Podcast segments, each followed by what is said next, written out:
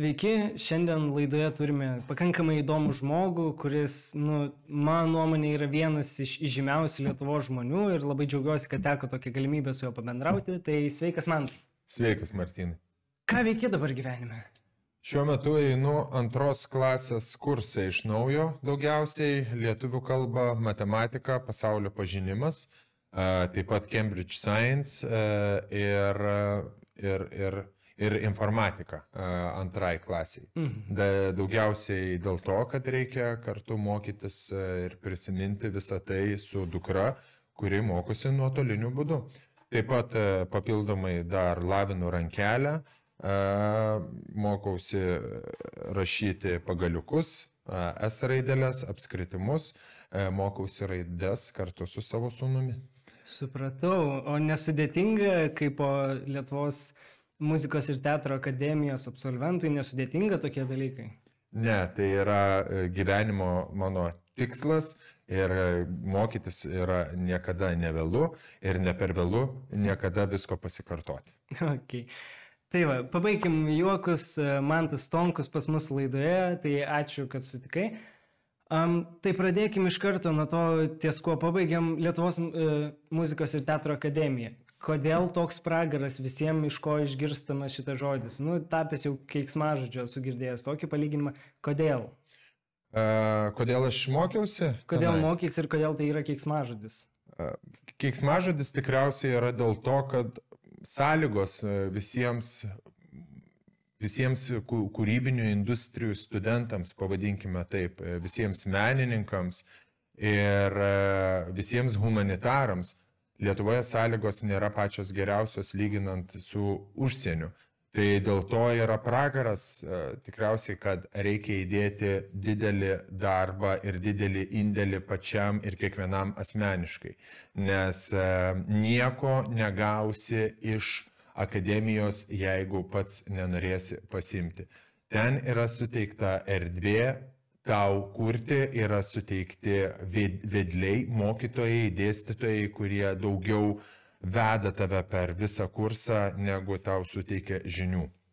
Visą patirtį tu daugiausia pasiemi pats, tiek kiek tu nori, tiek kiek tavo intuicija sako ir diktuoja tau, ką mokytis ir ką pasiimti ir tiek, kiek sėkmingos aplinkybės tau yra dėkingos mokymosi procese. Tai manau dėl to yra tas pragaras toks, nes kiek teko lankytis, tiksliau vieną kartą tik teko lankytis Suomijos teatro ir kino mokykloje, tek vadinasi, dabar neišversiu kiekvienos raidės pažodžiui, bet palyginus su tuo, kokie jie turi, tarkim, kostiumų e, dirbtuvę, tai tikriausiai neturi nei vienas Lietuvos, nei profesionalus, nei valstybinis teatras. Tai šitoje vietoje mes smarkiai atsiliekam. Iš kitos pusės, tai aš asmeniškai nevadinau to laikotarpio, kada mokiausi pragaru kažkokiu, nes tai buvo man pats geriausias gyvenime laikas, aš atvažiavau į savo svajonių miestą, mhm. aš susipažinau su savo bendraminčiais, e, kurie buvo tokie patys žmonės e, su tokiomis pačiomis ambicijomis iš skirtingų Lietuvos kraštų ir tas bendruomeniškumas, tas e, bendras tikslo siekimas kartu privedė prie labai gražių dalykų, kuriuos mes patyrėm būtent studijuodami muzikos ir teatro akademijai. Ir tos visos sąlygos, e, pragariškos, tragiškos, e, kaip jas be pavadintum, jos iš tikrųjų, manau, ir e, da, įtakoja tai, kad Lietuvos kuriejai, Lietuvos menininkai yra užgrūdinti ir tik gavę geresnės sąlygas jie atsiskleidžia daug geriau negu kartais tie žmonės, kurie yra užaugę šiltnamio sąlygomis. Mhm. Tai iš vienos pusės tai ir žaloja, iš kitos pusės tai grūdina. Bet ar pabaigimas universiteto tikrai turėjo tokią didelę įtaką paskui gyvenime, nes e, labai daug kas pabaigia universitetą, sako, nu aš tikrai nedirbsiu to, ką aš studijavau, taip kaip mokykloje, nestudijuosiu tai, kas man labiausiai patiko mokykloje, arba, nu, sakau, e, darbas, ar, nu, tai, ką dirbi, ar turė, dabar priklauso nuo to, ką studijavai Lietuvos e, muzikos ir teatro akademijoje? Jo, aišku, aišku, kad priklauso, nes aš važiavau ten būtent su, su ta intencija, kad aš norėjau atsidurti galbūt menininkų, kūrybininkų terpėje. Mhm. O vien buvimas tenai jau tau kloja kažkokius pagrindus mhm. ateičiai. Tai pakliuvimas į tą burbulą, tai šimtų procentų, kad įtakoja. Aš nuo antro ar trečio kurso, nuo antro kurso gal jau pradėjau dirbti pagal profesiją, pavadinkime taip, pagal tuos įgūdžius, kuriuos e, mums skiepija ir ūkdo. Tai yra e, vaidyba, e, kurią aš pritaikiau renginiuose, pritaikiau, aišku, ne iškart nevesdamas renginius ar vaidindamas spektakliuose, bet tuos pačius įgūdžius aš pritaikiau dirbdamas ten renginiuose asistentų ir panašiai. Tai man daug davė aukštoji mokykla, man davė daug suvokimo techninio, terminų, kūno paruošime, parengime, balso valdymo technikoje, pačiame, pačiame suvokime, kas yra vaidyba, suteikia pagrindus ir man tikrai buvo naudinga ir aš labai džiaugiuosi praleidęs ten net ne keturis metus, o beveik šešis metus, bet magistro aš jau nebebaigiau, nes pradėjau dirbti ir supratau, kad tai yra bergždžias laiko mhm. švaistimas. Supratau. Um, tai vad pabaigus studijas pradėjai dirbti šioj srity būtent. Bet dirbai ne tik vaidyboje, tai tarkim teatre, televizijoje, tavo veidas matėsi kiekvienoje laidoje įmanomai, Taip pat šokai, kas irgi man pasirodė gana keista, klausydamas interviu su Dominiku Vaitekūnu, girdėjau, kad ir mėtyti įteko, kas, nu, iš tikrųjų, dabar pagalvojus man, žinant daug, daug informacijos, atrodo keista iš tikrųjų. Tai ar tenka dažnai pritaikyti viską, ką mokėsi universitete, taip vaidyba, va, disciplinos, apie kurias pasakai, nu, iš tikrųjų, tokioj srityje yra pritaikomas, bet ar dažnai tenka šokti kažkur, tarkim? Aš baigęs e, mažykių choreografijos mokyklą, tai A. šokiai mane lydėjo visą gyvenimą, šokau tautinius šokius mm. ir e, taip pat turėjau patį geriausią laiką būtent tame burelėje, mokykloje choreografijos, nes augau, m, gimiau plungiai, augau mažykiuose ir tuo metu, kai aš augau, a, miesto kultūra ir mažesnių miestų kultūra buvo a, kitokia, gal, arba pavadinkim, kad netgi tie patys naujininkai nebėra tokie Vilniuje, kokie, mm. kokie buvo kažkada tais geraisiais savo laikais, prime time. Tai tie, tie miestai ir ta aplinka buvo visai kitokia ir e, man buvo išsigelbėjimas pabėgti iš Marozino, pa, pa, pabėgti į savo į choreografijos mokyklą, kur ten pat susirinkę bendraminčiai, daug e, panų, e, mes gerai leisdavom laiką, keliaudavom po pasaulį, mokėmės būti scenoje, leidom laiką kartu, mesgiam draugystės ir turėjom labai šaunę ir pašėlusią paauglystę kartu. Okay. Tai šokiai jo, tai mano gyvenimo dalis. Mm -hmm. Pasakai apie tautinių šokių šokimą, man irgi pačiam teko labai fainas dalykas, bet va, dabar pasiklausiau iki šiol kaip formalioj aplinkoj bendrauji ir išlikęs tas žemaitiškas akcentas. Pas mane? Aha, ir labai stiprus, nu, plungietiškas galima tai pavadinti, nes vis tiek jų daug. Tai ar tas būtent tautinių šokių ir tas išlaikymas, ar kažką tau reiškia asmeniškai, ar tiesiog darai taip, nes taip yra įprasta? Tautiškumas, ta prasme, ir, jo, ir tas akcentas ir, nu, vat. Aš nežinau, ar pas mane yra didelis akcentas, nes jeigu aš turėčiau didelį žemaitišką ir ryškų akcentą, aš tikriausiai negalėčiau dirbti, nebūčiau galėjęs dirbti televizijoje. Kitas dalykas, akcentologija mano buvo mm, sėkmingiausia disciplina tikriausiai muzikos ir teatro akademijoje, aš ten turėjau keurą dešimtuką. O dabar norime padėkoti mūsų laidos remėjams, svečių namams Leokordis. Rokiškėje įsikūrė svečių namai Leokordis teikia apgyvendinimo paslaugas miesto svečiams bei įmonėms. Svečių namuose rasite jaukius ir tvarkingus kambarius, kuriuose galima patogiai pernakvoti ir palsėti už prieinamą kainą. Yra galimybė apsistoti ir su gyvūnais. Svečių namai įrengti strategiškai geroje vietoje, netoli miesto centro. Leokordis svečiams taip pat siūlo pokelių ar konferencijų salės nuomos paslaugas. Viską, ko jums reikia, rasite vienoje vietoje. Daugiau informacijos galite rasti Facebook puslapyje Svečių namai Leokordis. Taip pat norime padėkoti Rokškio sūriui ir Rokškio dvaro muziejui. Tai kalbant apie žemaičių tarmę, tai aš ją naudoju ir jie didžiuojasi, nes tai yra mano identitetas, tai yra mano gimtoji kalba. Ir aš nekartą esu sakęs, kad man kalbėti lietuviškai nėra iš tikrųjų labai sudėtinga, bet e, tai yra šioks toks iššūkis, nes aš netgi ir mastau žemaitiškai. Tai man, kai reikia mokytis tekstus, Tai aš juos visada pirmiausia išmokstu žemaitiškai, po to aš pritaikau, įsidedu pas save į burną, pavadinkime taip, ir po to jas ištransliuoju jau lietuvių kalbą. Tai aš tuom didžiuojuosi, aš tuo gyvenu, aš su visais artimiausiais žmonėmis kalbu, digi klasės mūsų trys įkuriejai, visi trys žemaičiai ir mes kai turime susirinkimus, pavadinkime valdybos, tai mes e, dedam žemaitišką į kausis rūks, tai mes nebišk to nesigėdėjom. Mm. Bet pastebėjau, kad, kaip minėjai, kad nu, televizijoje ir šiaip dirbti platesniai negu žemaitijos e, vietoj e, būtų labai sudėtinga, nes daugelis lietuvių, kaip tu vadini, nesuprastų, ką, kas yra kalbama, nes man ir pačiam yra tekę būti plungiai vest mokymus, jie tyčiojasi iš lietuvių žemaičiai, kad jie nesupranta, ten raštelius siuntinėja įdomiai parašytus. Tai vad, e, kodėl, kodėl jūsų podcast'e, tarkim, nėra to žemaitiškumo bruožo? Jis atsiranda, esu girdėjęs ne kartą, bet vat, būtent podcast'as vėl tie patys. Kodėl tenai nėra kažkokio tais būtent vaidmens, galbūt, kuris būtų žemaitukas? Aišku, ten yra paprastas pokalbis, nevaidybinis, bet... Jo, išlenda tada, kada reikia.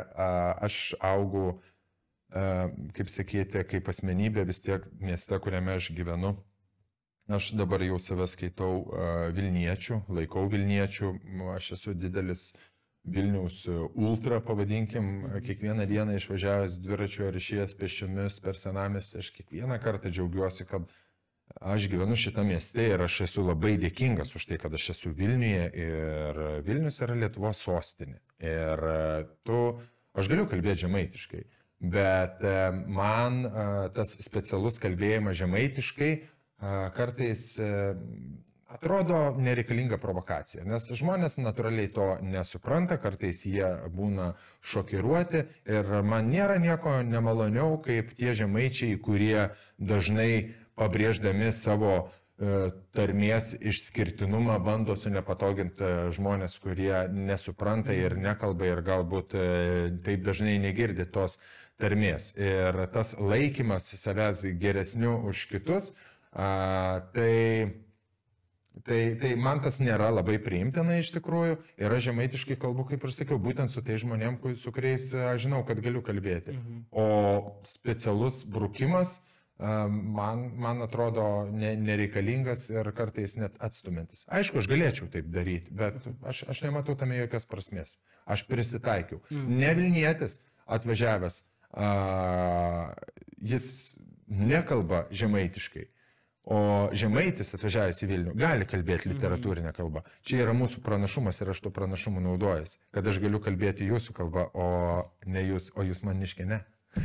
Ok, čia labai, labai galingai, šiek tiek rasistinis gal sakyčiau. Separatistinis. Separatistinis, atsiprašau.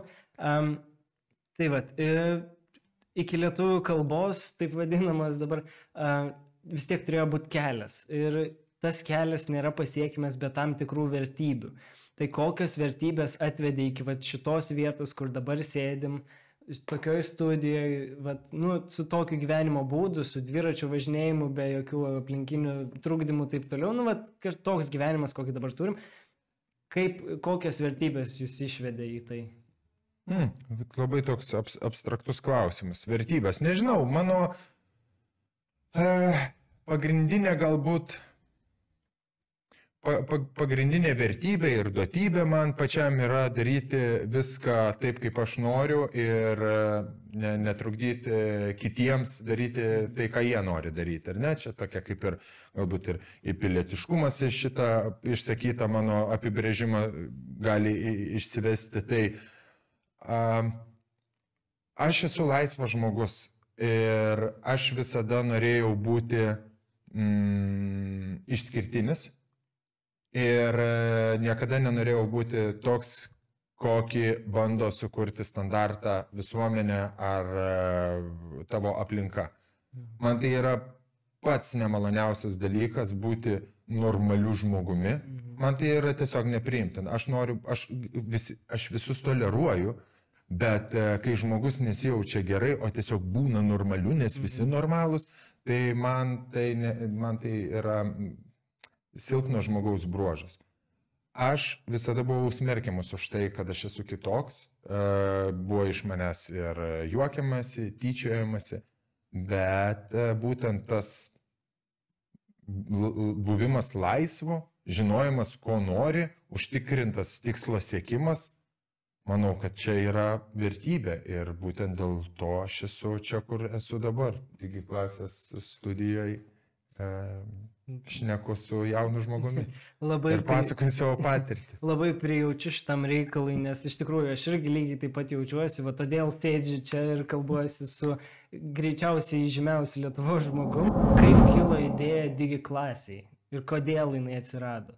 Digi klasė, aš tapau, e, kaip sakyt, žmogumi, kuris prisijungė ir kuris padėjo tai digi klasiai uh, užaukti. Ir mano tikriausiai didysis vaidmuo buvo digi klasės pačioje pradžioje, kai man paskambino mano brolis ir sako, man tai mes su Eimantu sugalvojom tokią idėją.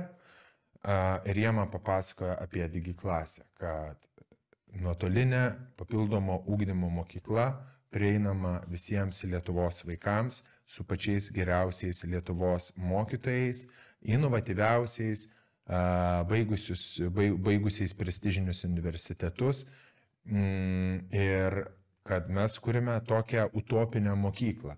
Ir ar tu galėtum man paskolinti pinigų, nes mums reikia, nu, kad, kad tas verslas galėtų startuoti.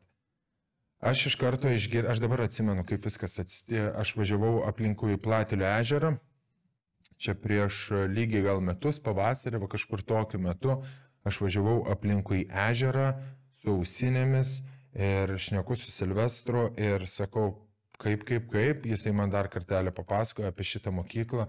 Sakau, žinai kas, Silvestrai, aš jums neskolinsiu pinigų, bet aš norėčiau investuoti juos ir tapti dalininku. Ir tada jisai sako, nu, mums reikia pasitarti su Eimantu. Ir jie sugrįžo pas mane ir sako, okei, okay, ok, sako, prisijung prie mūsų, tapk bendrai kuriejų. Ir e, man, man kaip vaikui, užaugusiam, dar kartelį pasikartosiu, kaip ir visiems, ko gero, augančiam e, aplinkoje, kurioje Jo, man mokykla nebuvo. Man mokykla nebuvo pats e, pati mėgstamiausia įstaiga, nes aš ten nesijaučiau labai gerai. Iš esmės ir gerai jaučiausi, ir nelabai gerai. Tiesiog turėjau fainą klasę, bet uh, už mokyklos e, ribų man sekėsi sunkiai, nes ten marozai man gadino gyvenimą.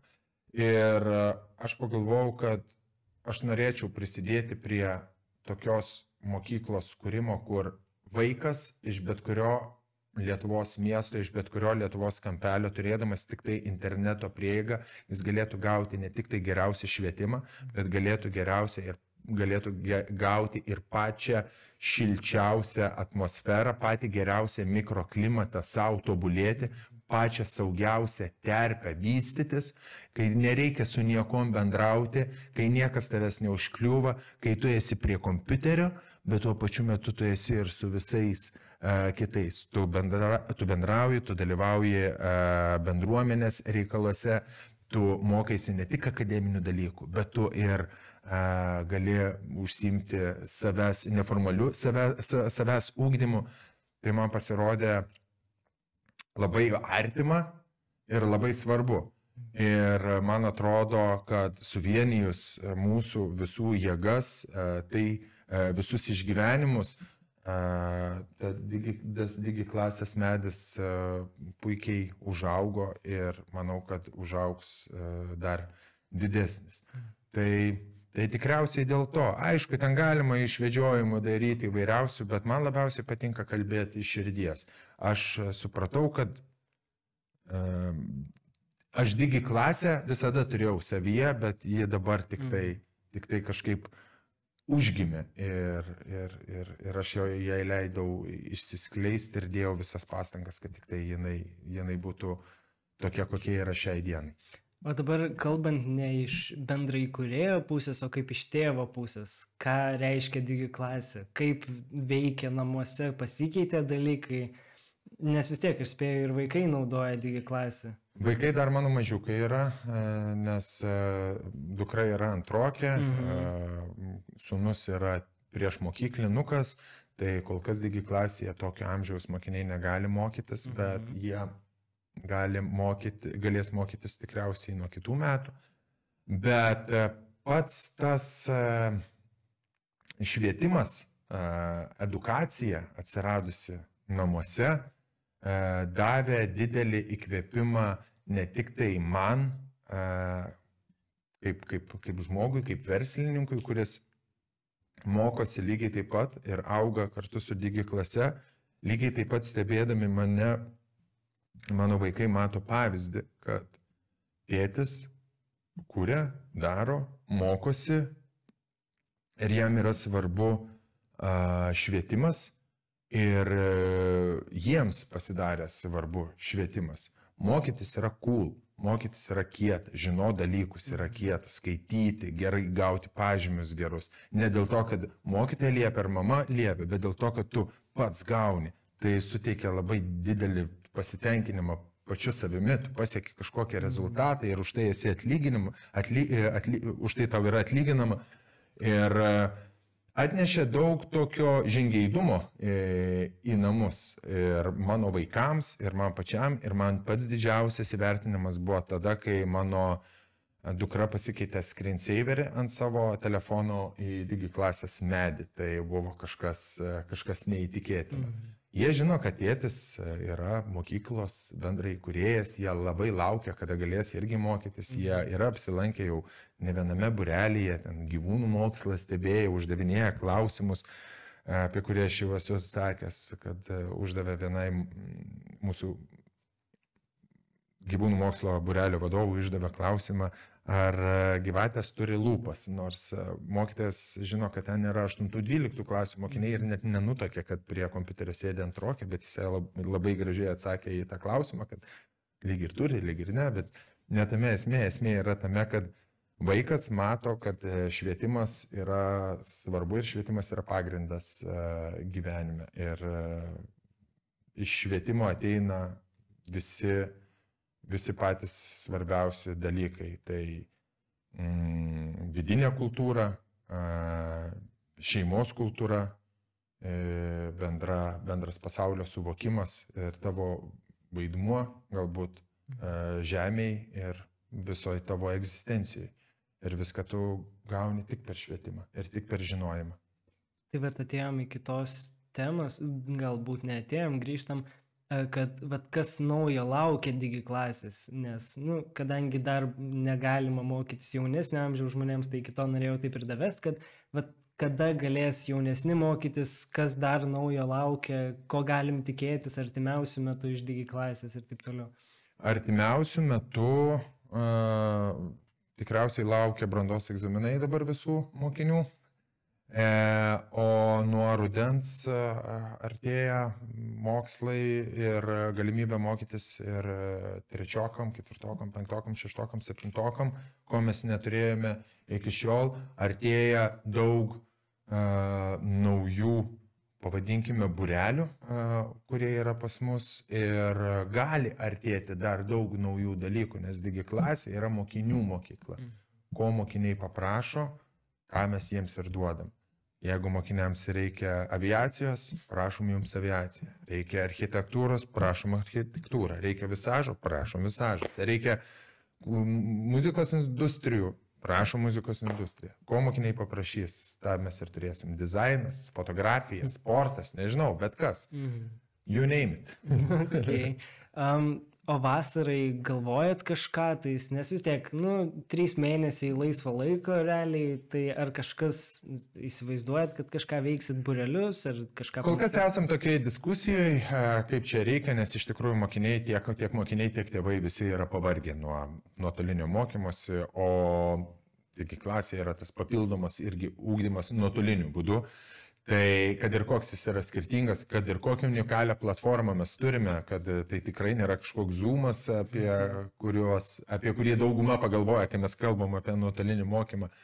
Bet e, yra idėjų, e, kad vasara yra tikriausiai metas, kada galima mokytis e, kūrybinių dalykų. Mokyti, kažką išmokti naujo, fotografuoti, sportuoti, dainuoti, muzikuoti galbūt. Tai kas teikia tau didelį malonumą, e, nes e, ne visada mokslai teikia patį didžiausią malonumą. Kartais e, mokslo šaknis yra karčios, ne? Tai mes norim suteikti, bent jau galvojame, dabar tokio idėjų lygyje, pažiūrėsime, koks bus poreikis, bet tikriausiai vasarą paliktumėm sav, savęs tobulinimui. Mhm, supratau.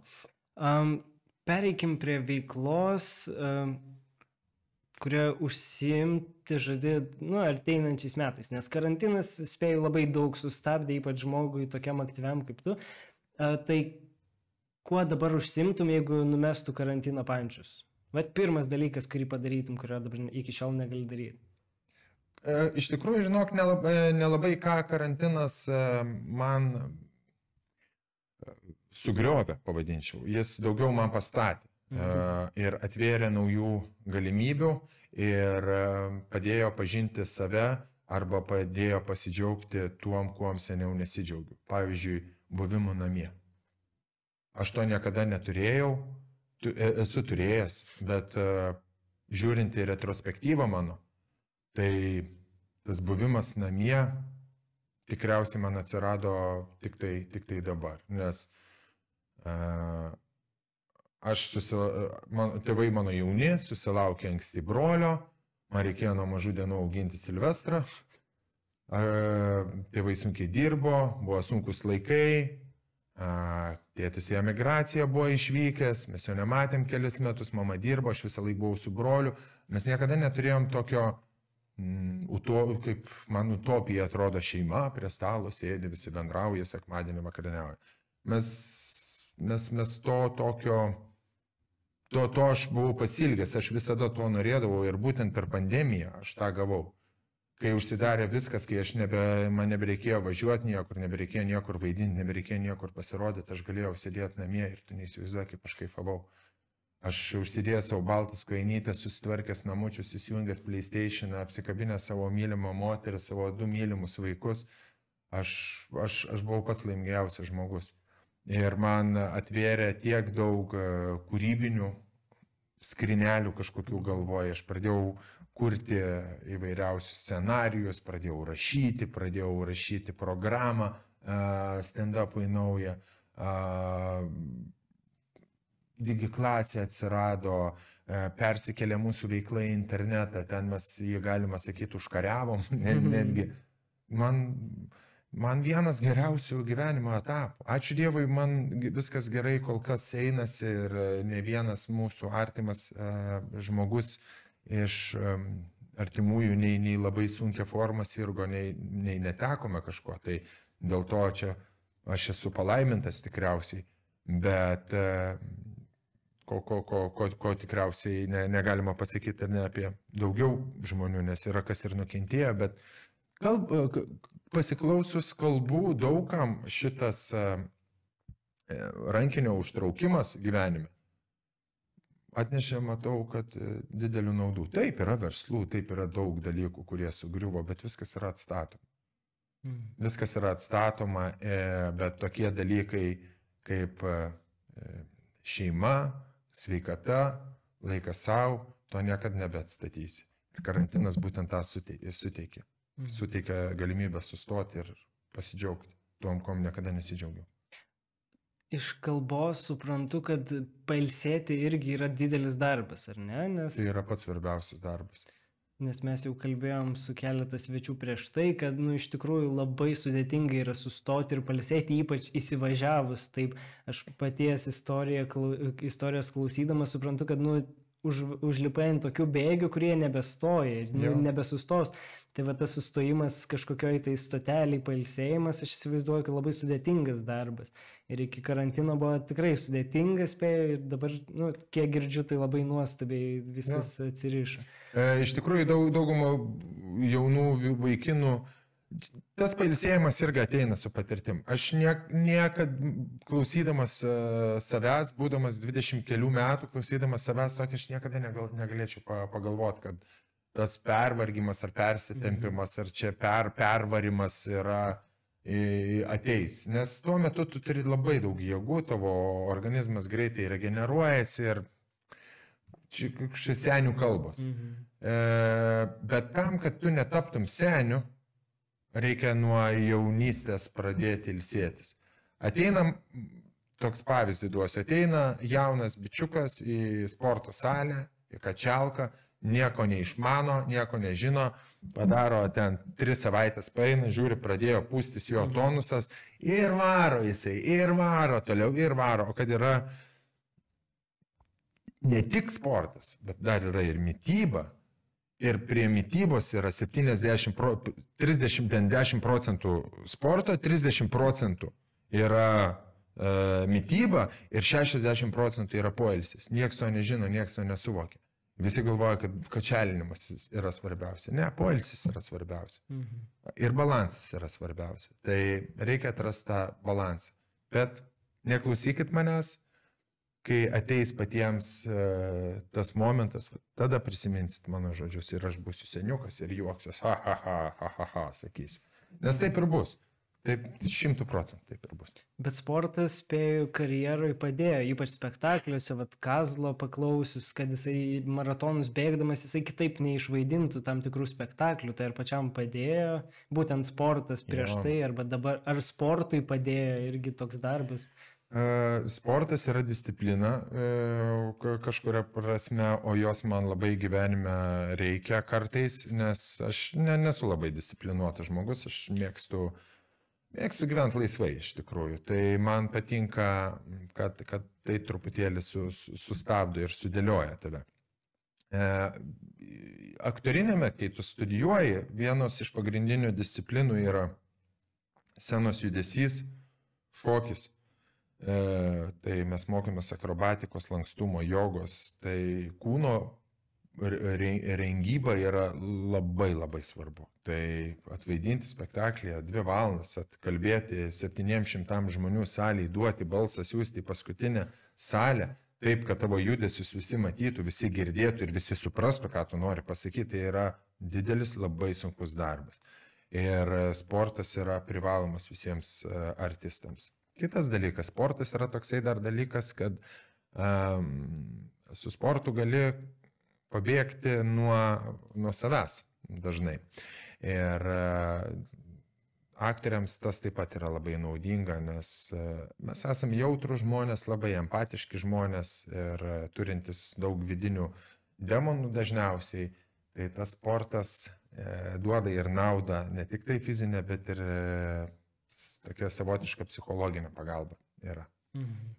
Kalbant apie psichologinę pagalbą, um, labai dažnas atvejis, ypač šiais laikais, kad aktoriai, ypač nu, profesionalus aktoriai arba e, vedėjai, taip toliau, nu, šio industrijoje dirbantys žmonės, patį prilyginčiau Jim Carrey, kuris serga ilgiausiai depresiją.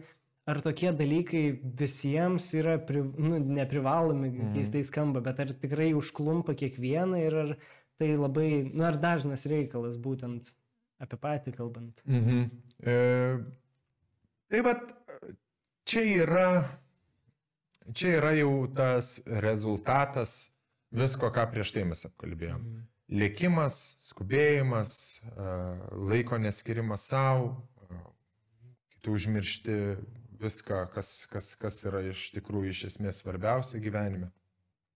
Po to ateina ta depresija, kai tu pradedi suprasti, kad tu sensti galų gale, kad laikas praėjo, kad e, tu klaidų esi pridaręs, pradedi greušti save ir e, tos negeros mintis e, išauga ir į, į lygas. Tai uh,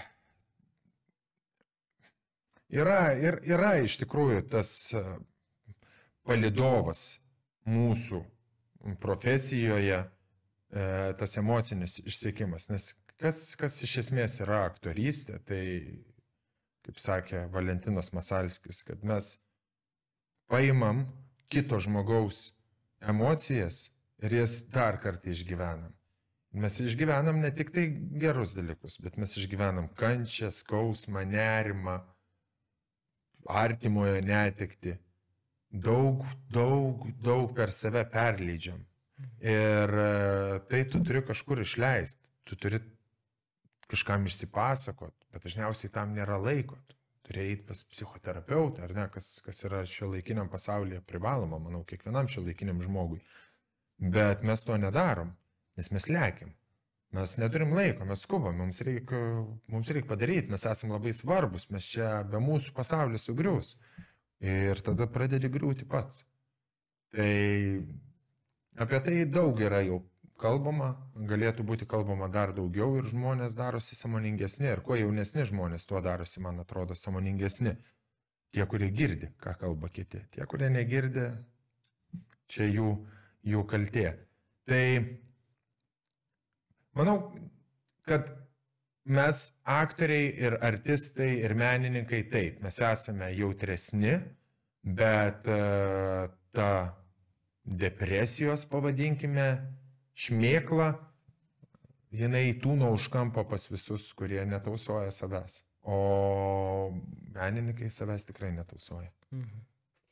O ar santykiai padeda šitoj vietoj? Nes, nu, santykiai yra toks dalykas, kur teoriškai vienas į kitą galima atsiremti, išsipasakot, taip toliau, taip toliau, tai ar santykiai būtent padeda, ar, ar nebūtinai visi santykiai padeda, kaip šitas reikalas veikia, nes aš jaunas žmogus, aš daug santykių neturėjęs logiškai, mhm. skirybų neturėjau, ten santokų irgi, nu žodžiu, mhm. neįsivaizduoju, kaip tas veikia, tai ar santykiai apsimoka, va taip papaklausiu. Santykiai labai svarbus yra iš tikrųjų, nes uh, santykiai yra namai, o namų mums visiems reikia, nes namuose mes galim pabūti savimi. Tai yra tikriausiai vienintelė vieta, kur tu būni savas. O kai ta, tu būni e, toks, koks tu nori pats būti, ne toks, koks nori, kad e, ne toks, kaip nori, norėtų kiti tave matyti.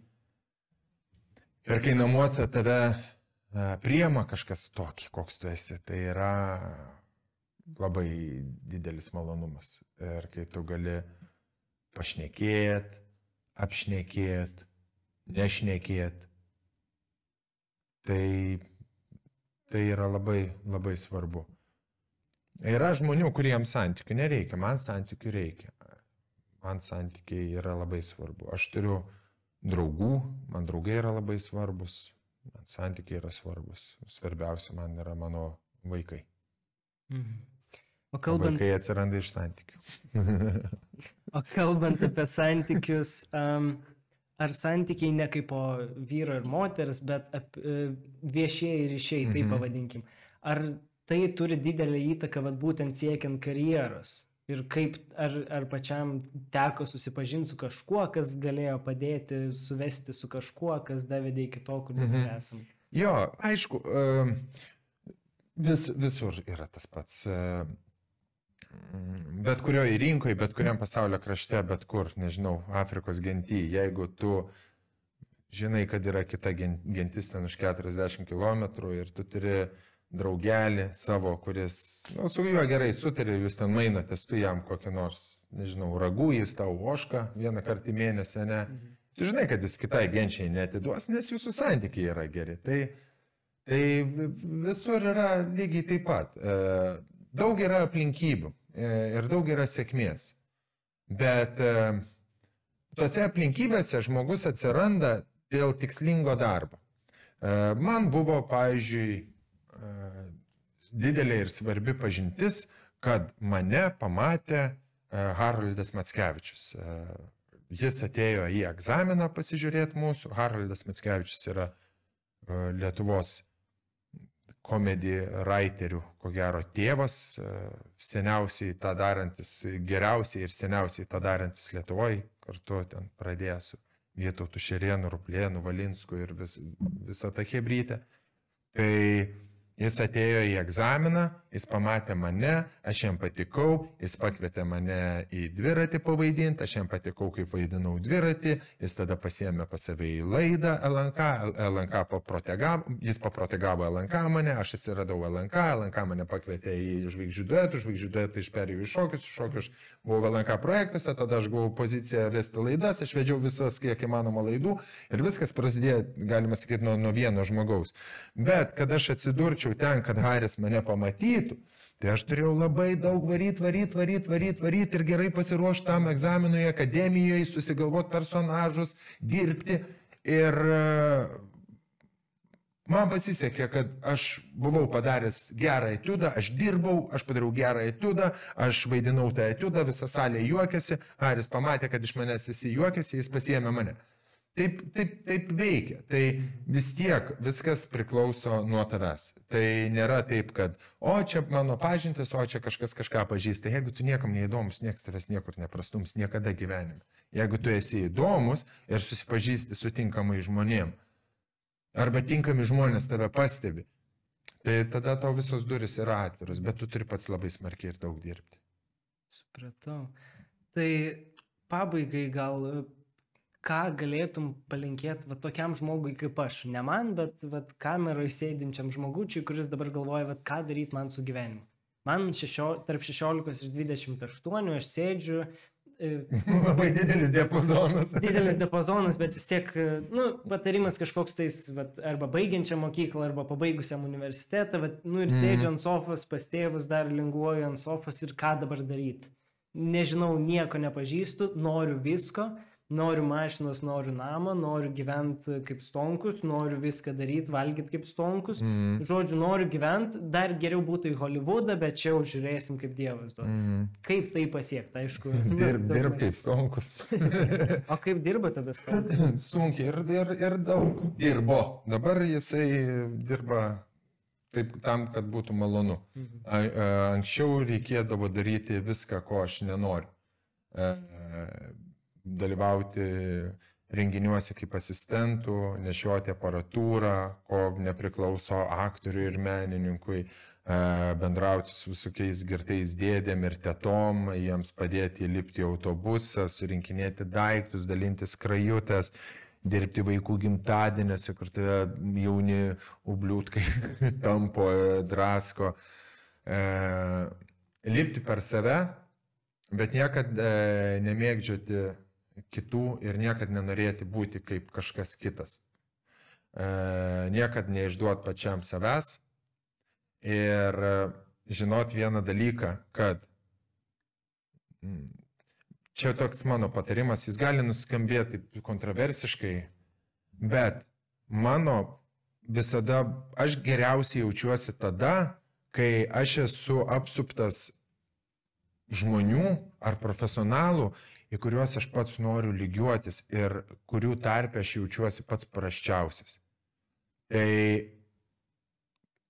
man visada yra svarbu, kad bu, aš būčiau, aš geriau būsiu pats praščiausias, bet aš, aš turiu santykius su kažkuom, negu aš būsiu pats kručiausias tarp uh, žmonių, kurie nori būti to, tokie kaip aš. Tai nebijot būti šiek tiek savo gal, nežinau, prastesniu, nebijoti, pakompleksuoti. Nu ir supras, kad nėra dėl ko kompleksuoti, visi mes esame žmonės. Ir jeigu tu laikais to savo agendos, tai tu nu, nu visada, visada viskas gausis gerai. Bet ten išsikelt norus, kad būt kaip stonkus, ar ten daryti kaip stonkus, čia kvailystė yra. Būk, būk kaip tu. Jeigu visi nori būti kaip, kaip, kaip Martynas. Supratau. Tai ką, ačiū už pokalbį labai. Tikėkime, susitiksim dar kada nors kur nors. Susitiksim, Martinai.